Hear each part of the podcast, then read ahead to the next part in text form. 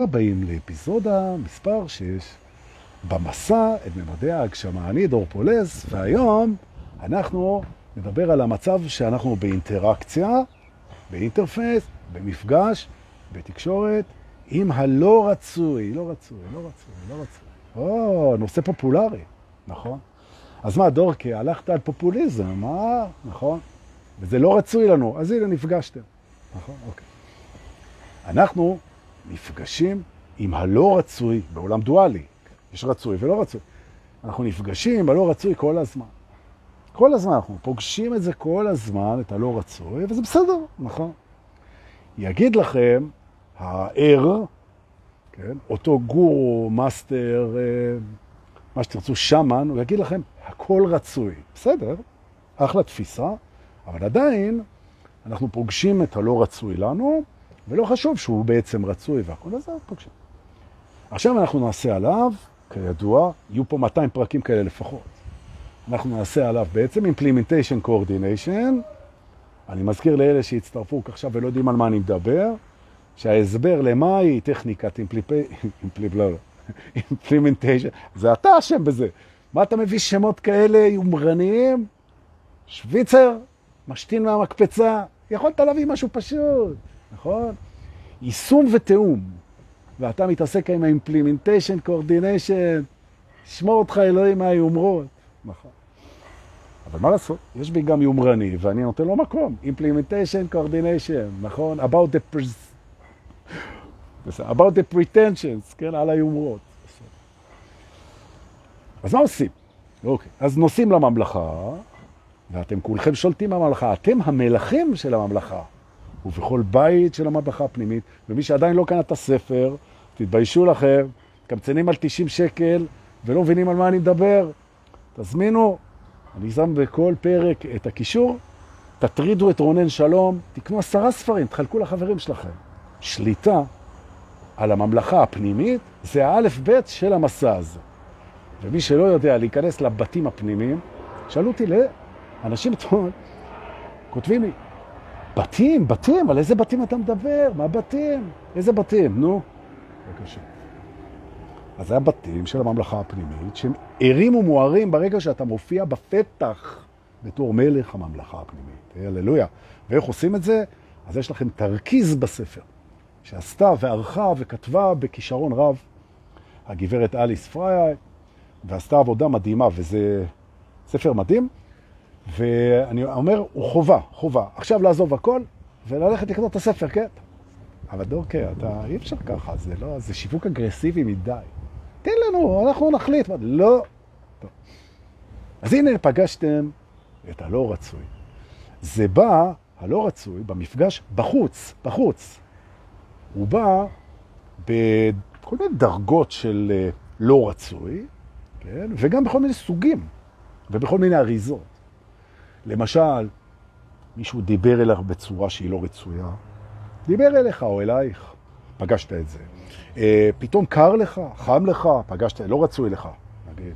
פתאום לא באו לקחת אותך, חזבו אותך, פתאום מודיעים לך שעזבו, שנגמר, שלא התקבלת, פגשת, אתה לא רצוי, כן? פתאום כואב. ולכם, ששייכים, אלה ששומעים את זה, יש כמה אלפים בסוף אחרי השיתופים שלכם, אם אתם סובלים מכאב פיזי, זה אחלה דוגמה של פגישה עם הלא רצוי, ואני אלמד פה מה עושים. נכון. כאב, מחלה, אובדן, כל הדברים הלא רצויים האלה שאנחנו פוגשים, חוסר ישע, בלבול, מול החיים בחוץ. אנחנו באינטרפייס ממשק עם החיים בחוץ. מה עושים? מול הבלתי רצוי, וזה כזה פשוט. וזה כזה מקסים, וזה מצריך רק שני דברים. שליטה בממלכה הפנימית, יש, ואימפלימנטציה קורדינטיבית, הנה הצלחתי להגיד את זה, מתואמת, יישום מתואם בין המערכת הפנימית והתובנות שלה אל הפעולה, ובתוך מימד מוגדר, ופתרתם לא את הבעיה, אלא פתרתם את המשוואה. נכון. טוב, כי בעיה הזדמנות. אז בואו נגדיר מימד בתוך הדבר לא רצוי, ואני רוצה אה, להתחיל עם, דווקא עם כאב כאב פיזי, כאב פיזי, ממש. זאת אומרת, כשאנחנו פוגשים, אבל שימו לב, היום זה לא פגישה עם הכאב, כמו שפגשנו את העונג, והגדרות מימד במפגש עם הכאב, לא, הכאב הוא דוגמה למפגש עם הלא רצוי. היום אנחנו נפגשים עם הלא רצוי, ולכן זה לא פרק על כאב, זה פרק מול הלא רצוי. לשים לב, יהיה פרק במפגש עם כאב שיוקדש כולו לכאב. אבל זה משהו אחר. כי היום אנחנו נפגוש את זה מהממד של הלא רצוי, ונגדיר את הממדים בלא רצוי. אוקיי. אז זה מה אני אומר, דבר ראשון, מה שאני מגלה במפגש שלי עם הלא רצוי, שיש לי התנגדות אוטומטית מול דברים לא רצויים. לא רצוי, האוטומט של ההתנגדות מופעל. וזה ככה משחר ילדותי. אותנו לימדו בחברה שלנו, או שבאנו ככה עם תוכנת הבסיס, שאנחנו מתנגדים למה שלא רצוי לנו ורודפים או הולכים אחרי מה שכן רצוי לנו. נכון. זו תוכנת הבסיס, זה בסדר. אז אנחנו נפתח את המעמד הזה של ההתנגדות ללא רצוי, וניקח את זה על מודל של כאב למשל. תשימו לב שבמפגש עם הלא רצוי יש נקודה שאנחנו פוגשים את הלא רצוי בתוך המודעות שלנו, וזה מלווה כמעט תמיד ב resistance. אנחנו מתנגדים לדבר הזה, וזה אוטומט, נכון?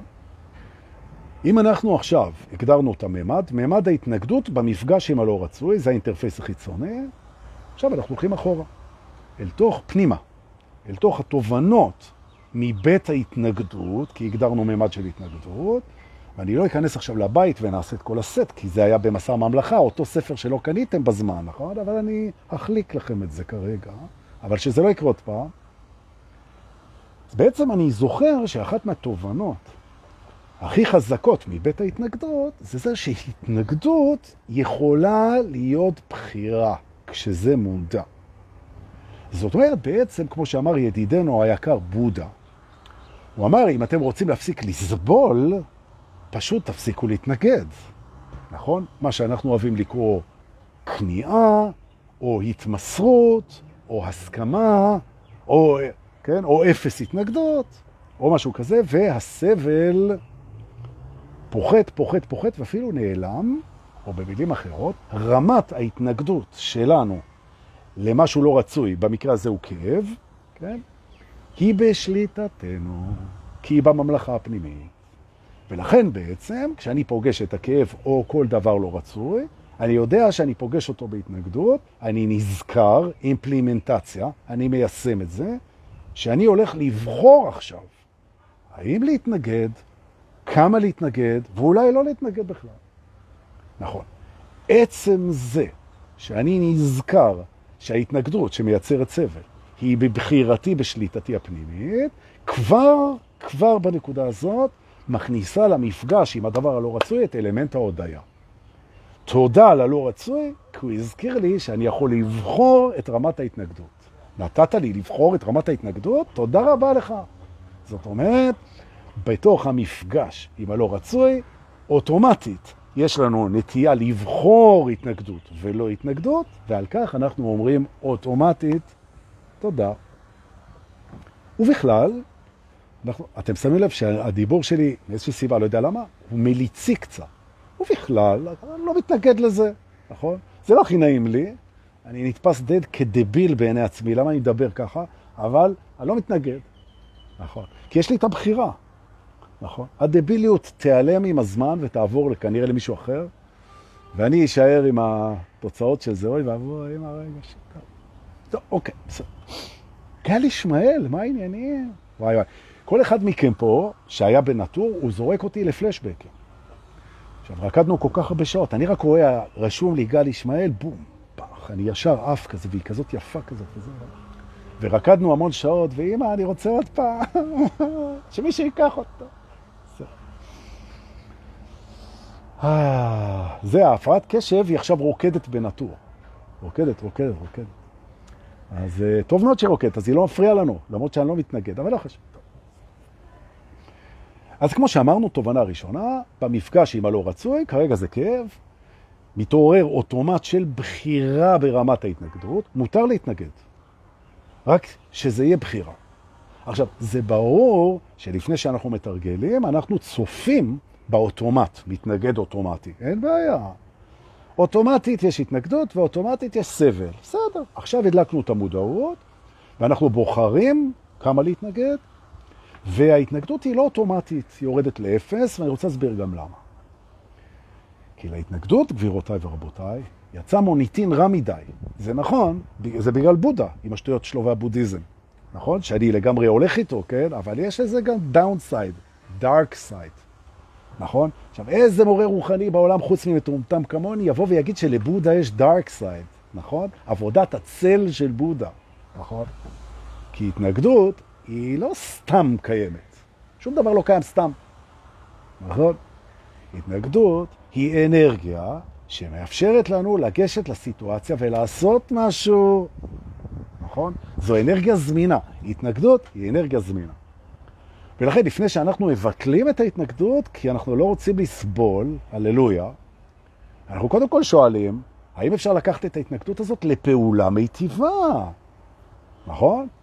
ואם כן, אז ההתנגדות מותמרת לפעולה אנרגטית מיטיבה, וזה יכול אפילו לסדר את העניינים. לא לבטל פה את ההתנגדות. לא להיות לי בניוטרל, נכון? יש תפקיד להתנגדות, וזה לתת לנו אנרגיה להתמודד עם הלא רצוי. זו הסיבה הסודית. אל תגלו לאף אחד. שבכלל אנחנו מתנגדים ללא רצוי. זה כדי לתת לנו אנרגיה להתמודד איתו. מעולה. ולכן, לא לבטל את ההתנגדות בחיים, אה, זה נכון.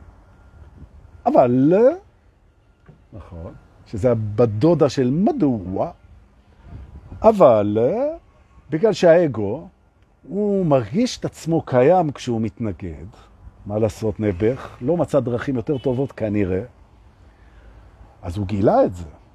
וכשהאגו מגלה את זה שכשהוא מתנגד הוא מרגיש חי, וכולנו רוצים להרגיש ויטליים וחיים, אז הוא אומר, למדתי דרך להרגיש קיים, כן? ובכך לטשטש את העובדה שבעצם הוא לא קיים, כי מה שקיים קיים תמיד, ובעצם זה עוזר לו לשכוח את זה שהוא זמני, בר חלוף, לא אמיתי ומשרת. נכון? פתאום הוא מתנגד, הוא נהיה בעיני עצמו איזה ישות קיימת, חזקה, הוא פתאום עף על עצמו עם ההתנגדויות שלו, וזה עוד כשאנחנו ילדים, והוא מגלה שכשהוא מתנגד, אז יש לו כוח, ושהוא חשוב, ושמתייחסים אליו, ואיזה יופי. ואז במקום שההתנגדות תהיה מאגר זמנין, זמן, אוקיי, מה זה הגמגומים האלה? במקום שההתנגדות תהיה מאגר זמין של אנרגיה, שנועד לתעל אותנו לפעולה אפקטיבית מול הלא רצוי, שזה מקסם, נכון? זה הופך להיות הקריירה של האגו.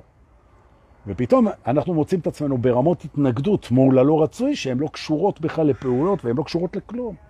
והפכנו למפעל של התנגדויות, ואני מזכיר במאמר קטן, שהתנגדות ופחד זה דברים שמייצרים אצלנו סטרס, וסטרס הורס לנו את הבריאות. נכון. ומאחר שהאגו מתנגד לזה שהבריאות שלו תיארס, והוא גם מפחד מזה, אז נהיית לנו ספירלה. ספירלה שבה אנחנו מתנגדים ומפחדים, זה הורס לנו את הבריאות, ואנחנו מפחדים ומתנגדים לזה שזה הורס לנו את הבריאות. ואנחנו מתנגדים לזה יותר ומפחדים יותר ונהיים פחות בריאים, פחות בריאים, פחות בריאים, עד השידור הזה. הרים דור לעצמו ברמה שהיא מוגזמת בכל קנה מידה שהוא. אבל אנחנו לא מודדים ולא משווים, נכון? הפריבילגיה הזאת של מודדים ומשווים זה לקושים, אבל אסור להגיד קושים, זה לא פוליטיקלי קורקט. לקהי האור.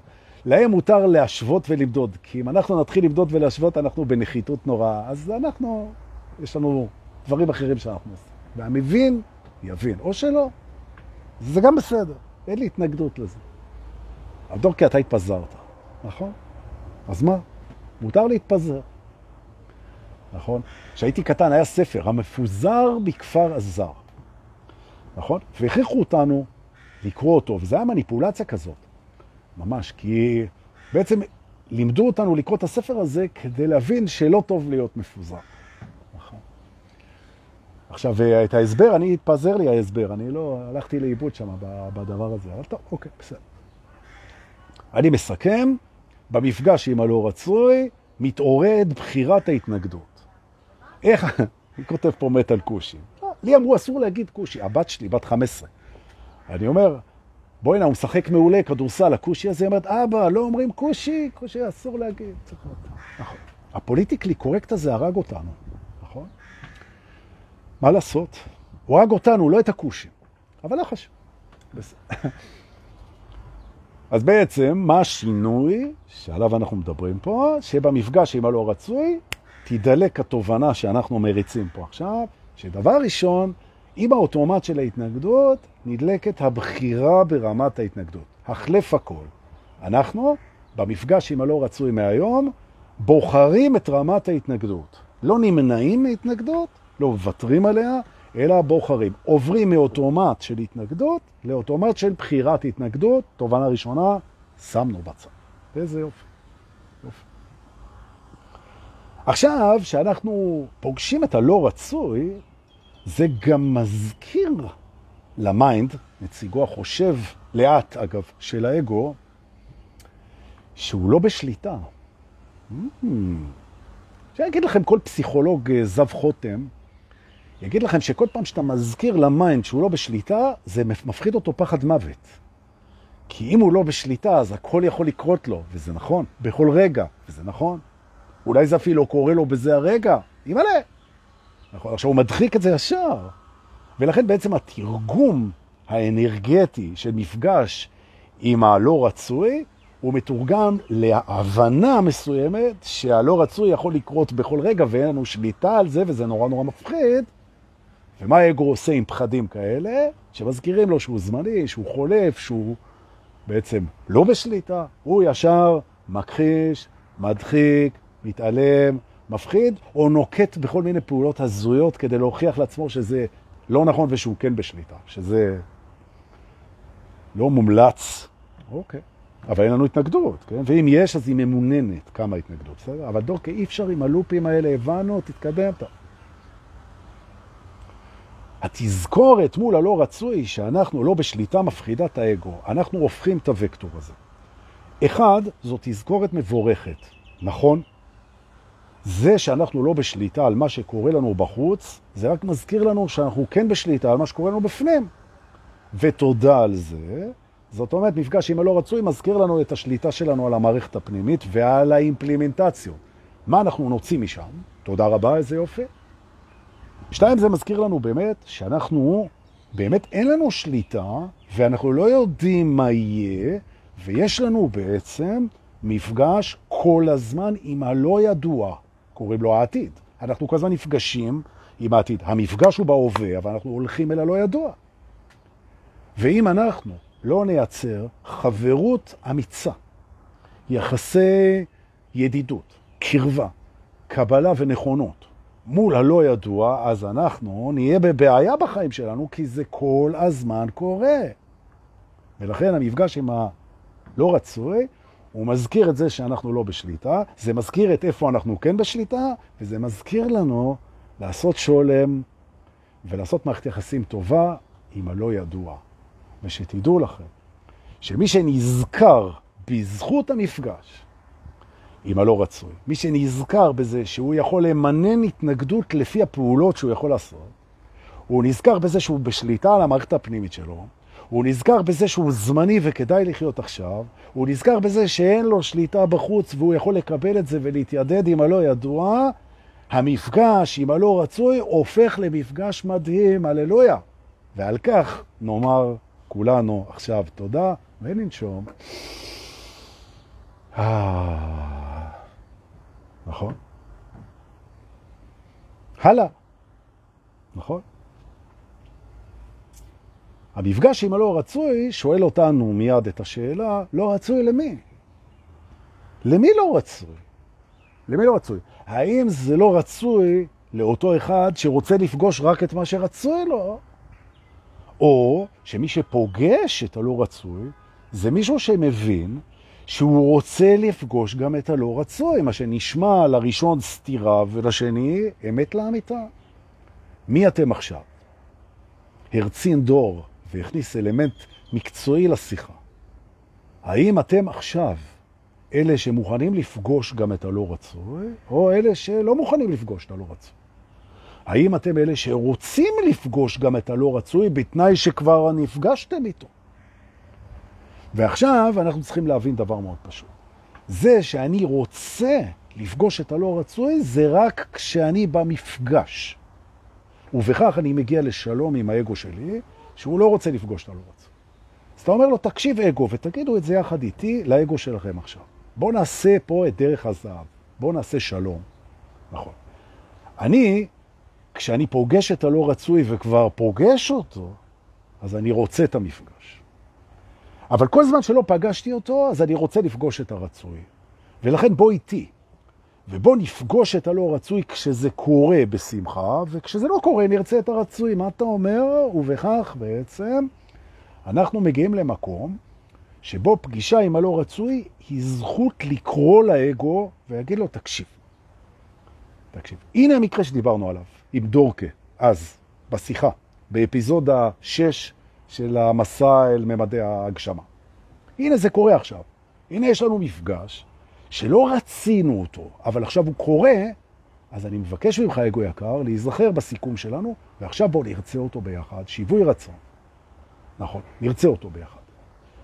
ומפגש עם הלא רצוי, שהופך לרצוי, הופך ללמידה. זו התובנה שאיתה אני רוצה לסיים את המימד הזה. ברגע שאני רוצה את הלא רצוי, אני יכול ללמוד ממנו, כי אין לי התנגדות, או שהיא ממוננת, אני בשליטה על המערכת הפנימית, אני בהודעה על הדבר הזה, אני נזכר במה יש לי שליטה ואין לי שליטה, אני מתקרב לעצמי ואני נכון ללימוד. או במילים אחרות, מפגש עם הלא רצוי, תומן בחובו, אמרתי נכון? בחובו, בחובו, בחובו, תומן בחובו שיעור עבורי. נכון. יכול להיות שלפני שהמפגש הזה קרה לא רציתי את זה, כי הייתי עם האגו, אבל זה קרה, זה אומר שזה נכון לי וזה טוב לי, ואני מוריד את ההתנגדות ולא עומד. זאת אומרת, יש הפתעה. אז מה זה אומר? שאו שיהיה לי מפגשים עם הרצוי, איזה כיף, או שיהיו לי מפגשים עם הלא רצוי, וזה יהפוך לכיף. נכון. נושמים. אה, ממש ככה. ועכשיו אני לוקח מימד נוסף בתוך המפגש עם הלא רצוי. ונלך לבית אחר ונעשה אימפלימנטציה, קואורדינציה ממקום אחר לגמרי. קחו אוויר עוד פעם. אה, נכון. ואגב, רציתי להגיד תודה, אני אגיד בסוף. רציתי להגיד תודה, אני אזכר בסוף השידור. כי אחרי השידור של אתמול קרו כל מיני דברים נורא מעניינים, אני אספר לכם, אבל לא עכשיו. מימד נוסף. והמימד הנוסף הוא מימד ההמתנה. במפגש עם הלא רצוי. נכון. מקודם דיברנו על ההתנגדות, ועכשיו אני מדבר על ההמתנה. תראו, יש אקספקטציה בעצם.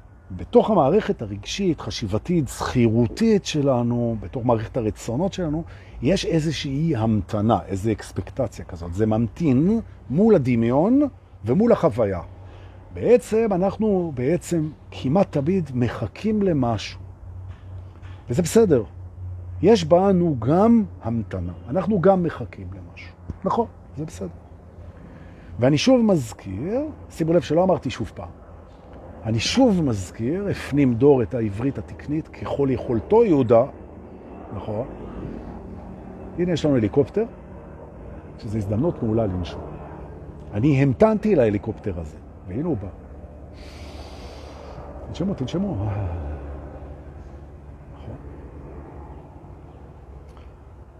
יש בנו הכל. ולכן כל שיקוף שאנחנו פוגשים, שמשקף לנו משהו בעצמנו, אז אה, אפשר לבוא ולהגיד, נכון, יש בי את זה.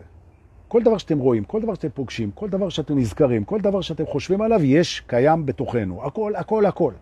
גם הדברים הכי מופלאים, כולל אלוהים בכבודו ובעצמו, נמצא בנו, וגם הדברים הכי הזויים והכי לא נעימים, החל מקמצנות וכלה אפילו ב... אני יודע מה, אני רוצה ללכת לקצה, כאילו, אני יודע, באדישות, ב... אני יודע, בציניות, הכל יש בנו, הכל, הכל. אכזריות, נכון? טמטום, טיפשות, יהירות, הכל, יש בנו הכל. אחרת לא היינו רואים את זה. זאת אומרת שכשאתה רואה משהו יהיר, טיפש, קמצן, רע, או משהו אלוהי, נשגב, מדהים, מחומם, זה הכל אתה, זה הכל אתה. נכון? זה לא מגדיר אותך, נכון? זה בוודאי לא מגדיר אותך, דבר בבית ההגדרות שהיינו. זה לא מגדיר אותך, אתה רוצה לדעת מה מגדיר אותך? לך לבית ההגדרות, תקנה את הספר, קמצן, הנה, זה מגדיר אותך. לא, אז זהו שם. אבל הרעיון הוא שכל דבר שאתה פוגש בעצם קיים בך. איזה יופי. כולל זה שאתה ממתין באקספקטציה, אתה ממתין למשהו. עכשיו, בעצם יש אנשים שההמתנה שלהם היא מסתנכנת פתאום ממה שהם פגשו. זאת אומרת, הם המתינו לחיכו, להידרדרות, למחלה, לתאונה, הם אמרו, הנה, ידעתי, הנה. יש בנו איזה מקום שממתין בעצם לכל מיני דברים. עכשיו מה שקורה זה בית ההמתנה. זוכרים? נכון? עכשיו, אם היינו נכנסים עכשיו לבית ההמתנה, מה שעשינו במשך 400 אה, ומשהו פרקים, וטסנו בתוך הממלכה, היינו רואים שאנחנו, בגלל העולם הדואלי, אנחנו ממתינים גם לדברים רצויים וגם לדברים לא רצויים, נכון? עכשיו, כשאתה פוגש משהו לא רצוי, יש בך משהו שהמתין לו, נכון, ברמה האנרגטית. כי אנחנו גם ממתינים, מחכים ומתכוננים באיזושהי רמה לפגישה עם הרצוי ולפגישה עם הלא רצוי, וזה לא משנה מה זה. נכון? זאת אומרת, כשאתה נפגש עם הלא רצוי, ברמה מסוימת היית מוכן. נכון. עכשיו, הרבה פעמים, כשהמיינד פוגש בתוך המודעות משהו לא רצוי, גם הוא מתנגד, והוא גם לא מוכן לזה. מרוב שהוא לא מוכן לזה, הוא מתבלבל עם המילה, עם המילה מוכן. כי המילה מוכן יש לה דאבל משמעות, כן? מוכן התכוננתי, כן? שאני לא התכוננתי לזה, והשני זה לא מוכן, לא want, want have it, אני לא מוכן שזה יקרה.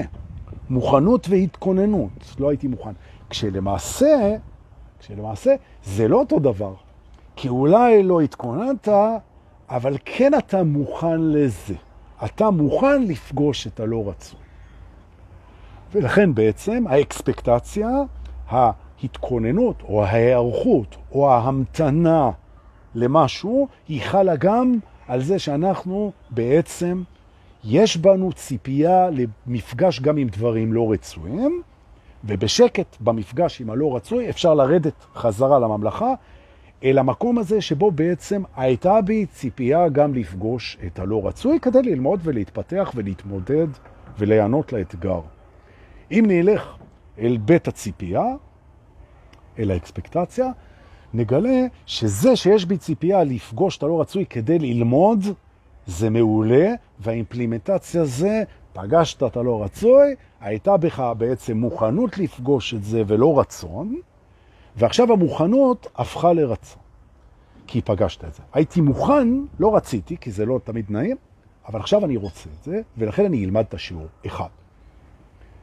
שתיים, כשאני מחכה, ממתין שמשהו יקרה, רצוי או לא רצוי, השאלה מה קורה לי בזמן ההמתנה. זה יהיה הדבר האחרון שאני אדבר עליו היום בנושא הזה. מה קורה לך בממשקים בחוץ כשאתה ממתין? למשל, אתה יוצא לדייט ראשון עם מישהי, או שני, או שלישי, ואתה ממתין לזה שזה יתפתח לרמה יותר פיזית, או לסקס, או משהו כזה. אתה ממתין לזה. או את יוצאת עם מישהו ארבעה חודשים, ואת ממתינה לזה שתעברו לגור ביחד. או אתה עובד במקום שנתיים, ואתה ממתין לקידום, אוקיי? וכן הלאה. אתה עומד בפקק תנועה, ואתה ממתין לזה שתתחיל לנסוע. ואומרים לנסוע עם נון. מה קורה לך בזמן ההמתנה? והרבה פעמים, אם תתבוננו, תגלה שאתה בהתנגדות להמתנה. שיש בך משהו שלא רוצה להמתין. קוראים לו, הוא לא רוצה לדחות סיפוקים, והוא לא רוצה לדחות שום דבר, הוא, הוא לא רוצה להמתין. או במילים אחרות, ההמתנה לכל דבר לא נראית לו. מצב ההמתנה נמצא בהתנגדות. אני לא רוצה להמתין לשום דבר. שימתינו לי, אני לא רוצה להמתין לכלום. ואנחנו נשנה את זה עכשיו. המפגש עם הלא רצוי מזכיר לנו את בית ההמתנה. אנחנו מוציאים מבית ההמתנה שני דברים. אחד, אנחנו הופכים את המוכנות ללא רצוי לרצון לפגישה עם הלא רצוי כשזה קורה, בינגו, נזכרים בכל מה שנזכרנו, תחזרו על החומר. השני זה זה שכשאנחנו ממתינים שמשהו טוב יקרה, שנקבל קידום, שהרמזור יתחלף, שהיא תיכנס איתנו למיטה, שנתחתן, שנעשה דברים, שהעסק יבשיל, שהתזרים יעלה, שהקורונה תעבור, שיהיה לנו עוד נטור או משהו כזה, שאנחנו ממתינים למשהו, נשאלת השאלה, נשאלת השאלה כשאנחנו ממתינים, האם משהו בנו לא מסכים להיפתח עד שזה יקרה? האם המערך של התאים שלנו האם ההוויה שלנו בגלל ההמתנה עוצרת, לא חיה במלואה, לא נמצאת כל כולה בהווה, בפעולה, באהבה, בנשימה, בחיבור, בהוויה, בנוכחות. האם ההמתנה עוצרת? ולכן כשאני פוגש את הלא רצוי, אני נזכר שבבית ההמתנה הייתה המתנה לדבר הזה, מתארגן עם הרצון ונזכר. שבשום פנים ואופן זה שאני ממתין לדברים, זה לא מונע ממני להיות כולי כאן. כולי. ובזכות המפגש עם הלא רצוי, אני נזכר בדבר הזה, עושה אימפלימנטציה ומשחרר את כל ההמתנה הזאת מהחיים כרגע. נכון, אני ממתין להרבה דברים, אני מחכה להרבה דברים, אני באקספקטציה להרבה מאוד דברים, אין בעיה. זה לא קשור לעובדה שאני חי במאה אחוז. כל הכישרון, כל היכולת, כל האהבה, כל הנשימה, כל ההשפעה, הכל קורה, כאן ועכשיו. וזה שיש בי המתנה, נכון, יש בי הכל, אבל היא לא חוסמת אותי. תנשמו. אה. אתמול, כנראה, יצא ממני איזה צד יותר אה, רגיש, בגלל הנוכחות, בגלל הרחם, דיברתי, מי שראה, על העליות ברחם, הקשר עם האלוהות שהיא אימא בפנים, ואנשים כנראה חוו uh, ממני סוף סוף, אימא איזה כיף. איזה צד יותר רך, יותר רגיש, uh, לא להתרגל, זה מה שרציתי להגיד. אל תתרגלו לזה, זה היה פליטה, חד, מעידה חד פעמית. אבל אני רוצה להגיד תודה על זה ששמתם לב, וקיבלתי על זה הרבה מאוד uh, התייחסויות, אז תודה רבה, זה, זה כיף שאתם uh, קשובים. ובכלל. מגיע הרבה תודות לזה שאתם משתפים, משתפים נורא יפה, זה פוגש הרבה מאוד אנשים, ויובל ושחר שמשתפים אותנו איפה שצריך, ואלה ששולחים בביט ובפייבוקס, כסף מתנה, תודה רבה מי שרוצה, אני שולח את המספר בכיף. איזה דיל טוב זה. אתה שולח את המספר טף שלך, תקבל כסף בביט, מתנה. או בפייבוקס, עדיף דווקא. נכון. העודפים לתרומות, תמיד. רוצה להגיד לכם תודה שבאתם גם היום. אנחנו כמובן נתראה בלייב הבא. ידעתם את זה גם לפני שאמרתי. תחדש לנו, דורקי, אתה חוזר על עצמך כמו... אה, אה, אה, לא יודע. בסדר. מי אמר לי, הגעת לגיל של הפליטות? או, אני פולט כבר שנים. תודה שבאתם להתראות, חיבוקים וגם אה, נשיקות, אה, אין בעיה. ומי שזה לא מסתדר לו, הנשיקות, אז רק חיבוקים. ביי.